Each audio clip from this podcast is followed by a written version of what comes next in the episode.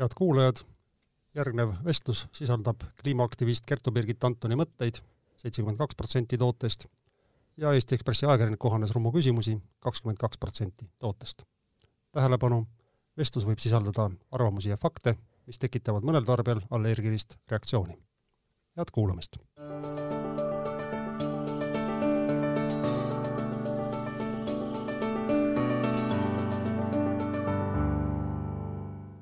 Kertu Birgit, äh, tere tulemast äh, Ekspressi podcasti, mina olen Eesti Ekspressi ajakirjanik Hannes Rumm ja mul on sind hea meel tervitada. alustame sellise küsimusega. sa oled andnud kliimaaktivistina inimestele soovitusi, kuidas käituda nii, et säästa planeeti Maa, kui tuua mõne näite, siis need on üsna lihtsad. osta vähem, söö vähem liha, väldi lendamist, kasuta võimalikult vähe autot, osta taastuvenergiat aga küsin su käest sissejuhatuseks, mida sa soovitad, millist spordiala sa soovitad inimestel teha ja telekast vaadata selleks, et planeeti Maa võimalikult palju säästa ja millist spordiala sa soovitad vastutustundlikel sponsoritel toetada, et planeeti Maa võimalikult palju säästa? ma alustaks sellest, et millist spordiala teha. ma arvan, et noh, spordiga on see hea asi, et sa saad seda teha nii, et sul ei ole peale spordi selle, noh, sul ei ole peale omaenda keha õieti midagi muud vaja. nii et igasugused spordialad, mida sa saad teha üksinda, teistega, aga kus sul ei ole, ütleme, väga palju muud vahendeid vaja või noh, isegi kui on vahendeid vaja, vähemalt sul ei ole fossiilkütuseid vaja, vot siis tegelikult see valik on ju väga lai, saad joosta, tantsida, jalgpalli mängida, purjetada,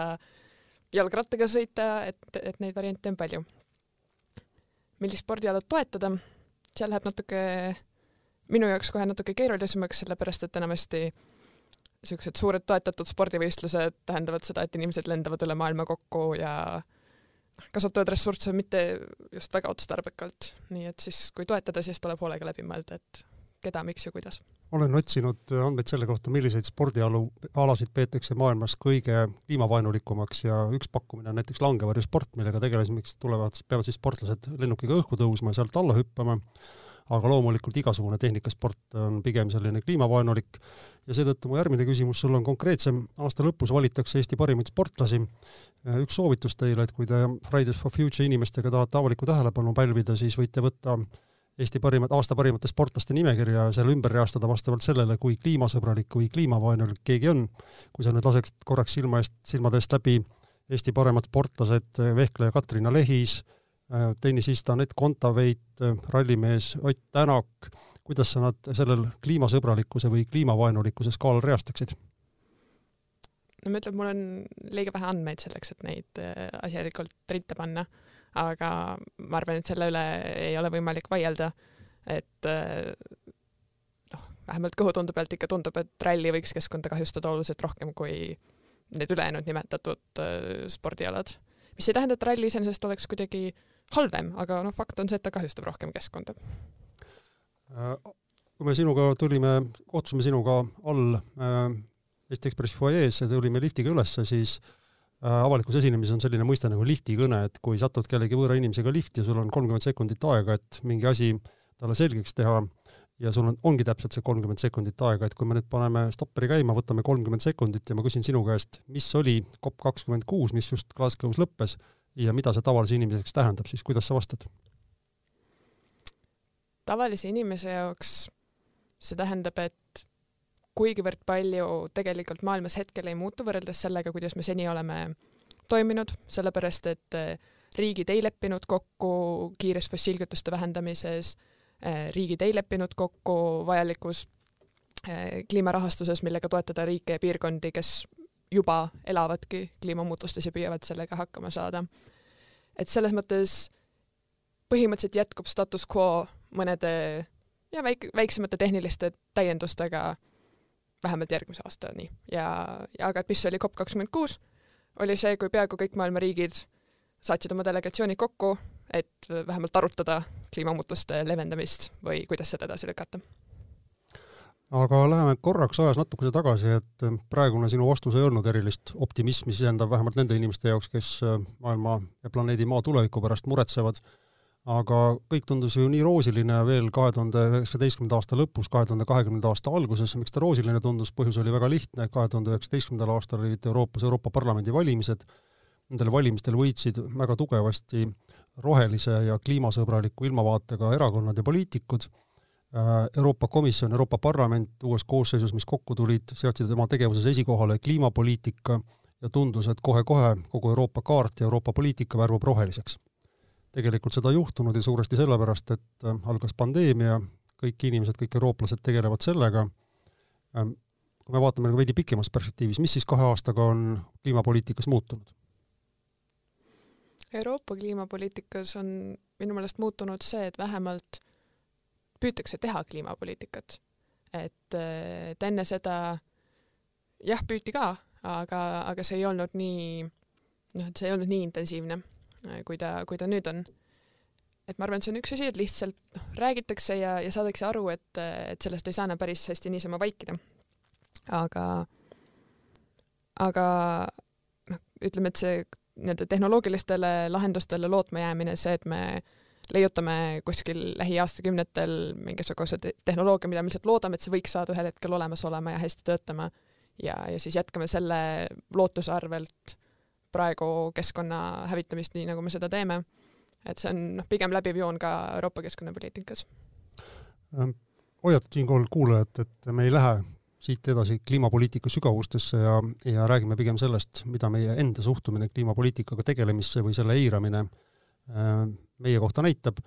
sa ütlesid, et vähemalt räägitakse kliimapoliitikast, mulle tundub, et äh, ega väga isegi ei räägita, selles mõttes, et tõepoolest, et pandeemia on varjutanud kõigi muude asjadega tegelemise ja see on loonud olukorra, kus inimesi võib üsna lihtsalt manipuleerida üksikute faktidega, kuna, kuna ega nad täpselt aru ei saa, mis see kliimapoliitikat, poliitikaga tegelemine on, et usun, et ka kõik meie kuulajad moel või teisel uudistest kohtasid väljendit COP kakskümmend kuus, aga aga julgen arvata, et enamus neist, kui küsida, mis see COP kakskümmend kuus on, siis erinevalt sinust ei suuda nad sõnastada, mis, mis see siis ikkagi on kas äh, see, et kliimapoliitika on tõrjutud teisele, kolmandale või isegi neljandale kohale poliitilises päevakavas, võib tähendada ka seda, et tegelikult ta äpardub? sellepärast, et inimesed ei saa sellest aru, see, millest inimesed aru ei saa, seda nad kardavad ja, ja see häälestab nad tundmatu ja hirmutava nähtuse vastu. ma lisaks, et see, millest inimesed aru ei saa, selles, selle vastu inimesed tihti ei oska ka huvi tunda, et see ei tundu tähtis. ja, ja mul on tunne, et see on üks põhilisi pidurdavaid, noh, põhilisi kliimapoliitika pidurdajaid praegu nii Eestis kui ka Euroopa tasemel, et üldiselt inimesed ei tunneta veel eh, Euroopas, et kliimamuutuste leevendamine oleks midagi tõeliselt tähtsat ja prioriteetset. ja, ja see osaliselt tuleb sellest, kui mõelda, et kuidas ajakirjandus kajastab kliimamuutuseid, siis üldiselt räägitakse tulevikust, tulevastest põlvkondadest, keda tuleb kuidagi hoida ja kaitsta, aga ei räägita sellest, et äh, inimesed juba ka elavad kliimamuutustes ja, ja kaotavad ka oma elusid ja, ja teenistusi ja elukohti selle tõttu. aga no siin on ka selge, et ma ei ole siin selles mõttes nõus olla etteheitega ajakirjandusele, et kui me võrdleme nüüd jällegi pandeemiat ja kliimapoliitikat, siis pandeemia puhul on asi väga selge, kas ma pean maski ette panema või ma ei pea maski ette panema. Äh, kas, äh, kas meie suremusstatistika ja haiguste statistika on, tõuseb või langeb, see on kõik inimlikult lihtne ja arusaadav. Kliimapoliitika puhul siiski see nüüd ja kohe mõju on, on palju, no vähemalt Eesti oludes vähem tuntavam, et kuidas sa siis seda inimestele selgeks teed? jah, ta on Eesti oludes äh, oluliselt vähem tuntav ja selles mõttes Eestil veab, me asume tõesti geograafiliselt mõnusas piirkonnas, et kliimamuutuste tõttu läheb elu paljudes muudes maailma piirkondades enne väga raskeks, kui, kui meil äh, hakkavad mõjud tugevalt äh, tunda andma. Aga ma arvan, et see on ajakirjanduse koht välja mõelda, et kuidas viia inimestele kohale lood ja, ja ka teaduslik teadmine, nii et see neid kõnetaks, et me näeme ju pandeemias, et, et kui tuli pandeemia, siis hakati küsima teadlastelt, oma ala ekspertidelt põhjalikke kommentaare, püüti inimestele selgeks teha, mis asi on R0, mis asi on nakatumiskordaja, mis see nelja, miks me vaatame kahe nädala nakatumiste näitu saja tuhande inimese kohta, noh päris pikk ja keeruline mõiste, tuleb hulk jagamistehteid oma peas teha. et ma arvan, et kui ajakirjandus on sellega juba enam-vähem hakkama saanud, siis ei ole fundamentaalset takistust, miks ajakirjandus ei võiks selgeks teha, mis asjad need kasvuhoonegaasid on, kui suur on süsinikueelarve, mida süsinikueelarve tähendab ja nii edasi. et aga see on asi, millega ajakirjandus ei ole tegelenud ja nad eriti ei tegelenud ju ka enne pandeemiat, et kliimamuutuste pidurdamine ei saanud pandeemiaga algust. see on, sellega on idee poolest tegeletud aastakümneid. aga, aga sellest ju niimoodi jõuliselt ja faktipõhiselt räägitud ei, ei ole aastakümneid. sa oled ka ise olnud äh, ajakirjanduse ohver, aga tuleme selle juurde intervjuu teises pooles tagasi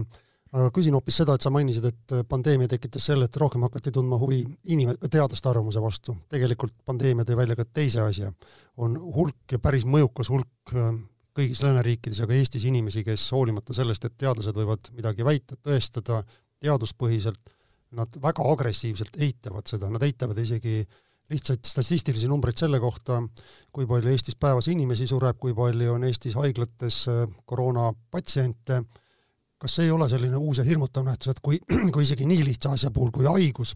inimesed keelduvad tõde tunnistamast või teaduslikke fakte tunnistamast, siis äh, kuidas nad, kuidas neid üldse veenda, et äh, teadlastel on õigus, kui nad räägivad kliimamuutustest, mis äh, ohustavad inimkonda? vot ma ei oskagi sellele hästi vastata ja jah, see on, on minu jaoks hirmus küll, et äh, kui me ei saa inimestele justkui kohale viia fakte selle kohta, mis päriselt maailmas toimub ja parimate saadaolevate andmete põhjal tehtud ennustusi selle kohta, mis võiks hakata tulevikus saama. et siis ongi inimestel nii oma igapäevaelus, tööelus ja kui see töö juhtub olema poliitik, siis ka poliitilistes otsustes väga keeruline teha asjalikke otsuseid ja tõenduspõhiseid otsuseid ja ma ei, ma ei teagi, kuidas sellest äh, välja tulla või kuhu, kuhu siit edasi saab minna. no üks suur edulugu kliimapoliitika Äh, aktivistidel oli personaalselt siis Greta Thunbergi fenomen ja see tegelikult on iseloomulik tänapäeva maailmale, kus äh, väga suur roll on ühismeedial ja meedial ja oluline on see, kas ideel või mingil põhimõttel on selline üksikisikust kandja, kes on nähtav, kuuldav ja arusaadav, Greta Thunberg tegelikult äh, väga vastuoluliselt, aga, aga väga jõuliselt kogu maailmas kehtestas ennast ja viis kliimapoliitika inimeste teadvusesse, kuidas sina seda Greta Thunbergi selle fenomeni seletada, et kõik maailma, ÜRO kutsub Greta Thunbergi New Yorki esinema kõigi maailma poliitiliste liidrite ette, kuigi formaalselt ei ole ta ju mitte keegi, mitte keegi ei ole teda kusagile valinud, ta on selline vastuoluline Rootsi tüdruk, mis sinu seletus sellele fenomenile on? ma arvan, et üks hästi oluline komponent on see, et ta tõesti oskab töötada läbi suurt hulka infot ja panna see lõpuks korrektsesse ja väga lihtsasti arusaadavasse sõnastusse. et eh, enamik inimesi kipub igasuguseid pikki raporteid ja dokumente lugedes sellesse nagu ära kaduma, ma ise teen seda samamoodi. et, et noh, tunduvad, et seal on ikka mingid hästi olulised väikesed nüansid ja, ja põhimõtteliselt nad ongi mingil määral olulised, aga, aga lõppkokkuvõttes asi jõuab ikka välja selleni, et kas me paneme atmosfääri juurde kasvuhoonegaasi või ei pane aga ikkagi ma küsin siis ka sellise vandenõuteoreetilise küsimuse, et kes on Greta Thunbergi selja taga, kes kutsus ta ÜRO Peaassambleele, kes on loonud talle sellise tribüüni maailma ajakirjanduses? ÜRO Peaassamblee korraldajad kutsusid ta ÜRO Peaassambleele siin ei ole mingit eriti suurt küsimust. et siin ei ole taga Bilderbergi gruppi vabamüürlasi, no kes need tavalised vandenõuteoreetikute kahtlusalused on? just, just Sorose tšekid paistavad kõrva tagant, eks ole. ja tegelikult me ikka aktivistidega teeme aeg-ajalt nalja, et noh, kui keegi teab, kust neid Sorose tšekke saab, et siis meile, meile sobiks ka. et eh, sest, et meie ürituste eelarved on niisugused noh, mõnikümmend eurot, võib-olla mõnisada eurot, kui on väga suur üritus. et, et ei, ei ole ja, ja see, noh, üks asi on see, et sa võid näha inimesi, ütleme, meediast ja noh, me, siis on ikka lihtne arvata, et noh, aga äkki tal on teleprompter ees ja mis ütleb kõiki tarku sõnu. aga teine asi on see, kui sa saad nende inimestega päriselt kuskil meeleavaldusel või, või kus iganes kokku ja sa näed, et nad päriselt ka räägivadki nii ja mõtlevadki nii ja see, ja see asi on loogiline. oled sa ise Gerita Thunbergiga kohtunud, millised teie suhted on? olen. ja jah, me oleme ühes äh, töögrupis koos, nii et sealtkaudu me teame üksteist. ja nüüd ole hea, täpsusta, mis töögrupp see on? see on üks äh, biomassi teemalise kampaania korraldamise töögrupp, kus on hulk äh, aktiviste, noori aktiviste eri Euro Euroopa riikidest. ja mis siis teie töö tulemus peab olema? Meie töö tulemus, me loodame ühel hetkel jõuda selleni, et Euroopas ei põletataks enam massiliselt biomassi energeetikaks. nii et selle nimel tegutseme. Äh, tulles nüüd tagasi kodumaale, siis äh, noh, maailmas äh, on mõned poliitikud, kes on kliimavaldkonnas eestkõnelejad, on Greta Thunberg, kes on selline ebatraditsionaalne liider, aga kes on Eesti poliitikas ja Eesti avalikus elus kliimapoliitika eestkõnelejad? mulle tundub võhikuna kõrvalt vaadates, et neid ei ole, et ühtepidi kliimapoliitika on ülioluline, et et on majandusteoreetilises keeles rääkides on tohutu nõudlus nende inimeste järgi, kes oskaksid seletada, mis kliimi, kliimapoliitika on, kuidas ta Eestit mõjutab, kui ma vaatan Eesti poliitikuid, siis ei näe ma juba mitmenda järjestikuse valitsuse koosseisu ajal ühtegi inimest, kes saaks täpselt aru, millest ta räägib, kui ta räägib kliimapoliitikast, sealhulgas keskkonnaministrid on, on siinkohal selles valdkonnas ilmselgelt nagu võhikud. Aga, aga ei ole ka neid poliitikuid opositsioonist, ei ole ka tegelikult välja kujunenud selliseid teadlasi nagu pandeemia puhul, kes need kolme-nelja inimest, kes tege-, tegelikult tuntakse, usaldatakse, ei ole ka selliseid äh, mitteformaalseid avalikke liidreid nagu Greta Thunberg, võib-olla sina oled lähim Eesti vaste talle, millega seda olukorda seletada? ma arvan, et suur osa sellest olukorrast ongi see, et Eesti inimesed ei tunneta kliimamuutuseid veel kriisina. Ja ja kuna see nii on, siis meil ühiskonnas tunduvad mingid muud probleemid olulisemad ja, ja me huvitume rohkem inimestest, kes oskavad meile mingite muude probleemide kohta rääkida, ma ei tea, olgu see välispoliitika, tervishoid, haridus, mis on ilmselgelt äärmiselt olulised probleemid. aga, aga jah, et kuna meil ei ole ütleme, valijaskonnas eriti suurt nõudlust selle järgi, et oleks keegi, kes räägiks hästi kliimapoliitikast ja saaks sellest aru, siis need inimesed ei jõua otsustajate hulka ja, ja teadlastega, mis ma veel tooks esile, on see, et meil ei ole sellist nii-öelda niisugust ühte-kahte kindlat äh, kliimateadlast, kelle käest saaks alati häid kommentaare, aga, aga asi, millest me veel isegi ei räägi eriti palju, on see, et äh, meil oleks tegelikult ju juba praegu vaja tegeleda ka elurikkusega, ehk mitte ainult kliimaga. meil oleks vaja teadlasi, kes räägivad meile asjalikult hästi elurikkusest, Aveliina Helm on üks neist kindlasti, aga, aga ka ühe inimese õlule ei tohiks panna kogu ühiskonnale elurikkuse tähtsuse selgeks tegemist. ja noh, ammugi ei ole meil poliitikute hulgas äh, neid, kes sellest veel aru saaks või selle probleemi keerulisusest ma saan aru, et valijad ei saa sellest aru, aga nüüd poliitikud saavad küll väga hästi aru, et see on tegelikult teema, kus on ülilihtne tähelepanu saada. ja kui vaadata, et noh, pandeemia, koroona, Covid, see on, need on, see on ebapopulaarne teema, aga seal on nii valitsuse kui ka opositsiooni poole peal alati olnud poliitikuid, kes on sellega tegelenud, kes, kas nad on pidanud sellega tegelema, võib-olla mitte vabatahtlikult ei ole nad seda teinud, aga nad teevad seda. kliimapoliitika on täielik tühjus, no kui, kui ma mõtlen, et, et nüüd äh, mingi Eesti ajakirjanikul on vaja kliimapoliitilist kommentaari, siis, äh, siis no ei ole ühtegi mugavusallikat, kui me räägime välispoliitikast, on sellised mugavusallikad poliitikud, kui me räägime pandeemiast, on sellised, no enamuses valdkondades on, ja kliimapoliitikas ikka mitte midagi ei ole, et, et mis, ja ei ole ka tegelikult ühtegi erakonda, mis oleks väga jõuliselt teinud kliimapoliitika oma leivanumbriks. Kliimapoliitikaga on ka noh, see keeruline asi, et et kliimapoliitikat tehes sa ei saa rääkida ainult ütleme kliimast, keskkonnast ja kasvuhoonegaasidest, vaid sa pead rääkima suurtest ühiskondlikest küsimustest samamoodi. sa pead rääkima sellest, et et meil on tugev Eesti-Vene segregatsioon, et, et meil on Ida-Virumaal inimesed, kellega me ei ole mitukümmend aastat koos mõelnud, et mida nemad teevad enda elude, karjääride ja töökohtadega, kui seal põlevkivisektor pannakse kinni ja aga me samas me teame, et meil, me ei saa jätkata põlevkivi põletamisega. me peame rääkima haridussüsteemist, me peame rääkima sellest, et õpilased ei saa koolist kaasa teadmist, et eh, praegune eluviis ei ole jätkusuutlik.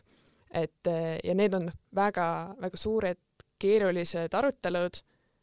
mida on lihtsam lükata kuskile järgmisesse aastasse ja teha kliimapoliitika juures nägu, et see on mingisugune paha asi, mis tuleb meile Euroopa Liidust. et noh, pandeemiaga me ei saa seda nägu teha, sellepärast et me näeme oma silmaga, et need on inimesed meie ümber, kes jäävad haigeks ja surevad selle tõttu, aga kliimapoliitikaga veel hetkel saab seda nägu teha ja see on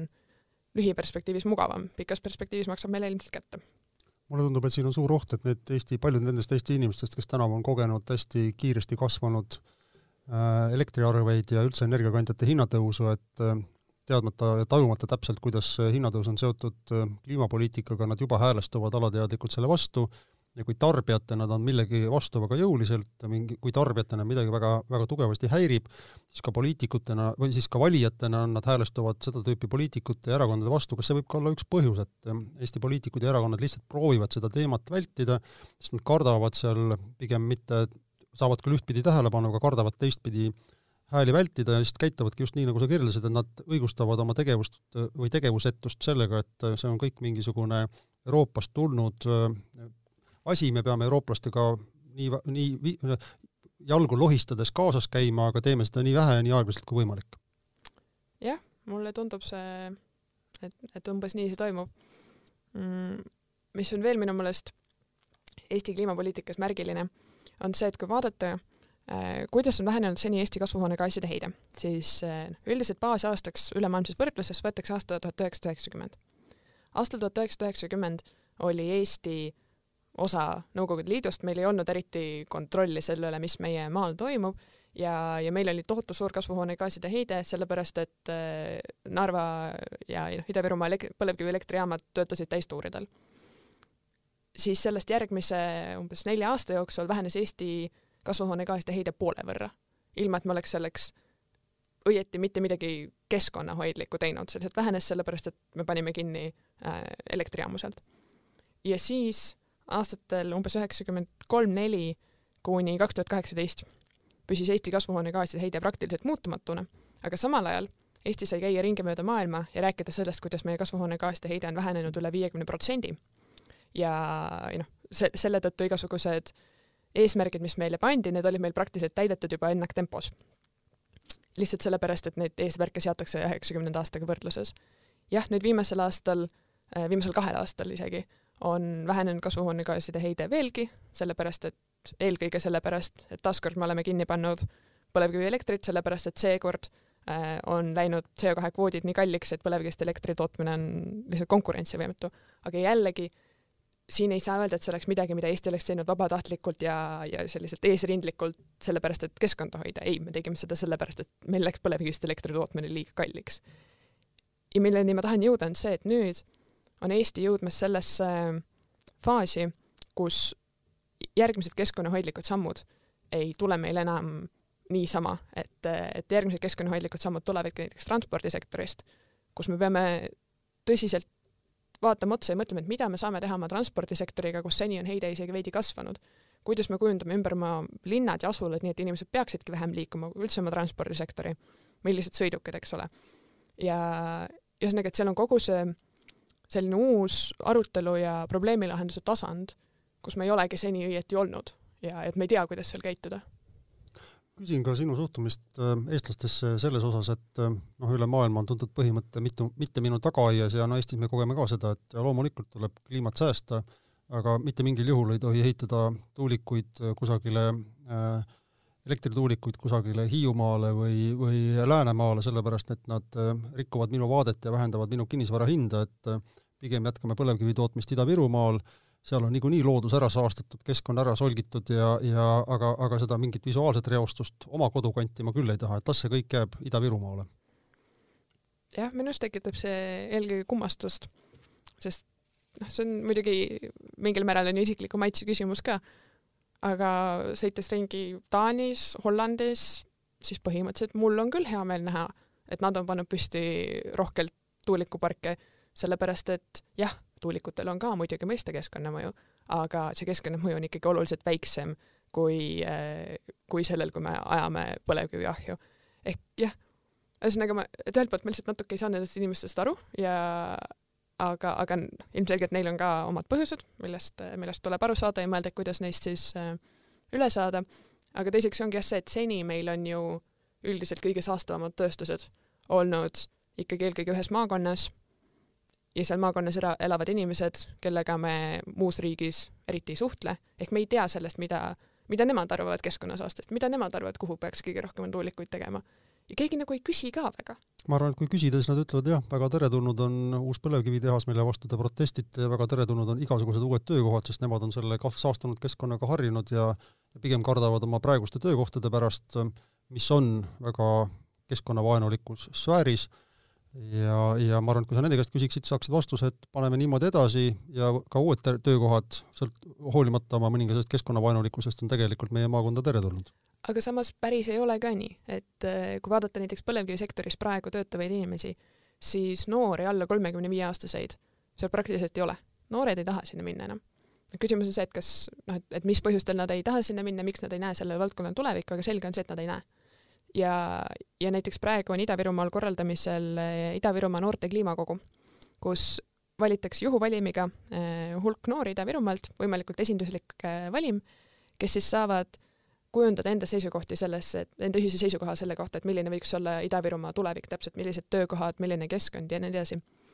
ja, ja olles lugenud mõnda seisukohavõttu nendelt noortelt, kes on sellega seotud, siis, siis ka nemad saavad aru,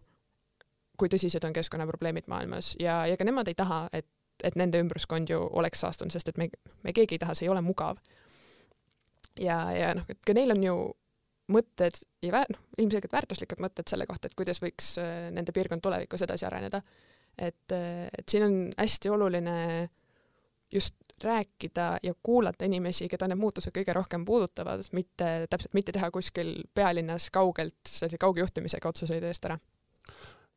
tuleme nüüd korraks sinu juurde, et äh, sa said Eestis tuntuks äh, poolteist aastat tagasi kui Tallinna Reaalgümnaasiumi õpilane, kes vedas siis kliimaproteste kaubamärgi alt Fridays for Future, said Vabariigi Presidendi auhinna parima kõnekirjutajana, nüüd oled sa Tartu Ülikoolis, õpid juurat ja no vähemalt pool sajandit on Eestis kehtinud selline kuvand, et juurat lähevad või siis õigusteadust lähevad Tartu Ülikooli õppima oma põlvkonna kõige andekamad, kõige auahnemad ja karjäärihimulisemad noored. miks sina juurat õppima läksid? Mina läksin juurat õppima sellepärast, et äh, ma olen näinud üsna lähedalt, mida saavad teha äh, juristid, kes tegutsevad keskkonnakaitse õiguse valdkonnas. ja mulle tundus, et see on midagi, mida ma ka tahan teha ja see läheb enam-vähem kokku sellega, mis mul tundub, et muidu välja tuleb või mis mulle meeldib. ja siis ma mõtlesin, et ma siis lähen proovin, et, et kas see selline kuvand peab tegelikult ka paika minu jaoks, mis ma siis enda jaoks õigusteadusest välja mõtlesin no kui sa nüüd loenguruumis ringi vaatad vasakule-paremale, kas sa näed seal endasuguseid maailmaparandajaid või näed sa selliseid inimesi, kes tulevikus kujutavad ette kolmekohalisi töötunnitasu numbreid ja, ja on nõus tegema mis tahes põhimõttelisi kompromisse selleks, et advokaadina head palka teenida? mulle tundub, et, et on mõlemaid ja on hulk noori, kes on tulnud õppima õigusteadust, aga et neil ei ole tegelikult veel väga mingit konkreetset sihti, kuhu nad tahaks välja jõuda et nad alles otsivad ja mõtlevad, mis on ju Eesti gümnaasiumi lõpetaja puhul hästi tüüpiline, et ka mina läksin õigusteadusesse just eelkõige sellega, et no ma lähen proovin ja vaatan, kuidas on, mitte sellise raudkindla teadmisega, et ma kindlasti tahan seda teha. et äh, ma arvan, et vaatame, kuhu me bakalaureuse ja magistri lõpuks välja jõuame, et siis on, siis on huvitav näha, mis inimestest äh, ja nende sellistest tulevikuplaanidest saanud on no ma saan aru, et järgmine küsimus on natukene kohatu küsida kahekümneaastaselt inimeselt, aga intervjuuks valmistudes ma vaatasin ajas tagasi ja mõtlesin, et et milliseid Eesti noorte poliitilise aktivismi ilminguid ma olen sellel sajandil märganud ja ja paraku neid ei ole, et tundub, et Eestis ei ole olnud ühtegi jõulist radikaalset ennast kehtestanud noorteliikumist kahekümne esimesel sajandil, tundub, et kõik need Eesti noored, kes huvituvad poliitikast, sisenevad sinna erakonna noortekogude kaudu ja siis mitte sellepärast, et neil on hirmus valu maailma parandada, vaid sellepärast, et nad saavad aru, et erakonna noortekogude kaudu võivad nad oma isiklikus karjääris kiiremini kõrgemale katapulteeruda. millega sina seda seletad, et tegelikult Eesti noored on poliitiliselt üsna passiivsed ja ega ju ka teie Fridays for Future hommikutel nüüd massilist osavõttu pole kahe poole aasta jooksul olnud? ma ütleks, et mitte ainult Eesti noorteliikumised on suhteliselt passiivsed ja tagasihoidlikud ja sellised reeglipärased, vaid, vaid ega meil ei ole ju Eestis ka mingisugust täiskasvanute tugevat meeleavalduskultuuri või sellist organiseerimis- ja, ja kokkutulekukultuuri, et jah, on olnud meeleavaldusi, on olnud isegi märkimisväärseid meeleavaldusi, aga üldiselt nad jäävad ikkagi noh, selliseks, ühesõnaga, et kui inimesed kuidagi tunnevad, et noh, et absoluutselt enam mitte ühtegi vahendit ei ole alles jäänud ja, ja olukord on väga-väga-väga halb oma nahaga tuntavalt. et kuidagi siis tekib see valmidus tulla tänavatele, et kuna keskkonnakriise veel ei tunta Eestis kriisidena üldiselt, siis, siis seda valmidust ka, et siis see lävend, et tulla välja ühele meeleavaldusele, on, on, tundub inimeste jaoks hästi kõrge. no praegu me näeme tänaval EKRE tõrvikukandjaid, näeme antivaksereid ja tegelikult mingi positiivse agendaga inimesi me tänaval eriti ei näe ja noh, sa viitasid väga selgelt ka sellele, et ega tegelikult täiskasvanud ei ole ka märksa palju paremad kui sinu põlvkonna inimesed, aga siiski noh, kui ma vaatan oma vanust tehes ringi, siis vähemalt nad tegelevad slacktivismiga ja äh, somes ehk sotsiaalmeedias plõksivad äh, eneseõigustuseks või oma moraalseks rahulduseks äh, arvamusi sinna ja tänna, kui ma vaatan nüüd noorte poole, ma ei tea, mis toimub TikTokis või Instagramis, kuna ma ei ole seal, aga ma eeldan, et äh, seal sinu põlvkonna inimesed ei tegele poliitiliste asjadega, vaid pigem eksponeerivad ennast ja, ja proovivad pälvida isiklikku tähelepanu, mitte ei tegele seal poliitiliste küsimusega. ikkagi, et mis on siis see põhjus, miks just nüüd konkreetselt sinu põlvkond on poliitiliselt nii uimane ja, ja väheaktiivne? Mm, ma natuke vaidlen selle, selle vastu, et no, noored sotsiaalmeedias äh, midagi muud peale eneseeksponeerimise ei tee. noh, muidugi igaühel on oma sotsiaalmeedia mull, mille ta on kureerinud vastavalt sellele, millist sisu talle meeldib tarbida. ma küll üldiselt üritan endale äh, valida sotsiaalmeediasse väga asjalikke noori, kes tegelevad sisuliste tegevustega, et, et neid on. Äh, nad, jah, nad on, nad on olemas. Mm, aga ikkagi ma arvan, et noh, üks olulisi põhjuseid ongi see, et, et meil ei ole nagu sellist eeskuju et eh, noh, näiteks kui mina hakkasin korraldama, aitasin korraldada Eesti esimest kliimastreiki, see oli mu esimene, Eesti esimene kliimastreik, oli mu esimene meeleavaldus üldse, kus ma olin käinud. mul ei olnud varasemast võtta mingit kogemust, et kuidas näeb välja üks meeleavaldus just nimelt Eestis, mis selle korraldamise sammud on, kuidas ma ennast seal tunnen. ja, ja samamoodi on teistel, teistel noortel ka tihti. ehk see, mida me teeme ka FFF-i noortega, on see, et me loome üldse meeleavaldus, meeleavaldamise kultuuri ja me loome inimestes seda teadmist, et meeleavaldamine on üks viis, kuidas demokraatlikult enda seisukohta väljendada. ja eriti noorte puhul minu meelest alguses kuidagi, kui me kliimastreikidega Eestisse jõudsime, siis äh, sain natuke seda vastukaja, et, et miks te kohe läksite tänavatele, et tavaliselt on ju see, et kui on streik, siis sellele eelnevad läbirääkimised ja nii edasi noh, rääkimata sellest, et Eestis äh, ametiühingud on praktiliselt olematud, aga no idee poolest küll. aga, aga noortel ei ole ju sellist kohta, kuhu noh, isegi kui nad tahaksid ametiühingusse koondada, noortel ei ole ju ametiühingut. et, äh, et siis me peamegi ise looma endale mingisugust ruumi ja keskkonda, kus me saame tegutseda nii, nagu me tahame ja, ja seista enda seisukohtade eest, sest praegu seda ruumi justkui noh, ongi õieti, õieti ei ole või need noorteorganisatsioonid, mis on, nad on ka sellised noh, nagu, kuidas ma ütlen, et nad nagu mahuvad sellise status quo raamidesse ja üldiselt sealt eriti väljapoole ei, ei ürita suruda. no igal juhul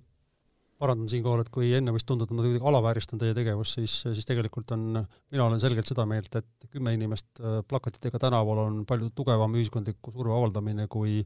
tuhat laiki Facebookis või, või kusagil TikTokis, et äh, aktivism ongi siis see, kui inimesed äh, ise arvavad, et nad on kuidagi väga jõuliselt mingi asja seisukohast väljas, aga tegelikult rapsivad omavahel mingis oma kitsas mullis kusagil sotsiaalmeedias. just, see on, see on, see on minu meelest ka hästi oluline, et noh, millest me räägime ka noortega rahvusvahelisel tasandil, kes, kes tegelevad Fridays for Future'is, et, et kust maalt läheb sellise performatiivse aktivismi ja, ja sisulise aktivismi piir. ja, ja tihti sotsiaalmeedias, noh ühelt poolt sotsiaalmeedia on ka äh, noorte jaoks olnud hästi võimestav, et noh, näiteks noored, kes on ütleme kuskil väikestest maakohtadest, nad ei saa tulla suuremasse linna meeleavaldusele, aga nad saavad osaleda meeleavaldusel veebis ja, ja see näitab midagi.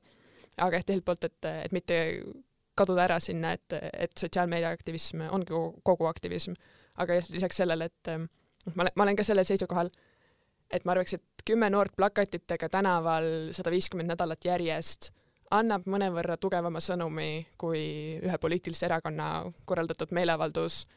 mille korralduseelarve ulatub tuhandetesse eurodesse ja kus tuuakse bussidega inimesi kokku üle Eesti, et et noh, et see, see meeleavalduse tulemise lävend ja, ja mis sa sealt saad, on, ongi erinev. Mhm. no teie kaubamärk on Fridays for Future, mis on rahvusvaheline, sealt, sealt te ilmselt saate ka oma oskusteavet, üks, selle oskusteabe osa on see, et te korraldate neid äh, kliimameeleavaldusi, kas teine selle rahvusvahelise oskusteabe osa on ka see, et, et kohus, kohtus käimine on siis selline iseenda teadvustamine, Fridays for Future Saksamaal näiteks on siis kohtusse kaevanud Saksamaa valitsuse põhiseaduskohtusse ja siis nende väide on, et valitsus ei tee piisavalt kliima säästmiseks, teie olete läinud kohtusse õlitehase ehitamise vastu Ida-Virumaal, et kas see on nüüd siis sellise sama Fridays for Future globaalse malli kopeerimine Eestis? Ei, ma ei arva, et ta on globaalse malli kopeerimine, aga mis on üleilmse koostöö hea, hea külg, ongi see, et me saame üksteisega jagada mõtteid ja oskuseid selle kohta, et, et milliseid vahendeid on võimalik kasutada enda oleviku ja tuleviku kaitsmiseks. ja, ja mis on hästi selge, ongi see, et erinevates riikides ongi erinevatel vahenditel üldse, noh, et see on erinev võimalus kasutada erinevaid vahendeid, näiteks ütleme Saksamaal või Belgias sul on väga lihtne korraldada üht suurt meeleavaldust, sest inimesed on harjunud seda vahendit enda seisukohtade esitamiseks kasutama, samas teispool meie idapiiri Venemaal vene noored mõtlevad väga hoolikalt läbi, kui, kui mitu minutit nad saavad seista ühe plakatiga ühekaupa, ilma et neid arreteeritakse ja mis siis saab, kui nad arreteeritakse. ehk siis, et muidugi me ei saa ju kopeerida seda, mida tehakse teistes riikides, aga me saame neilt õppida ja, ja mõelda, et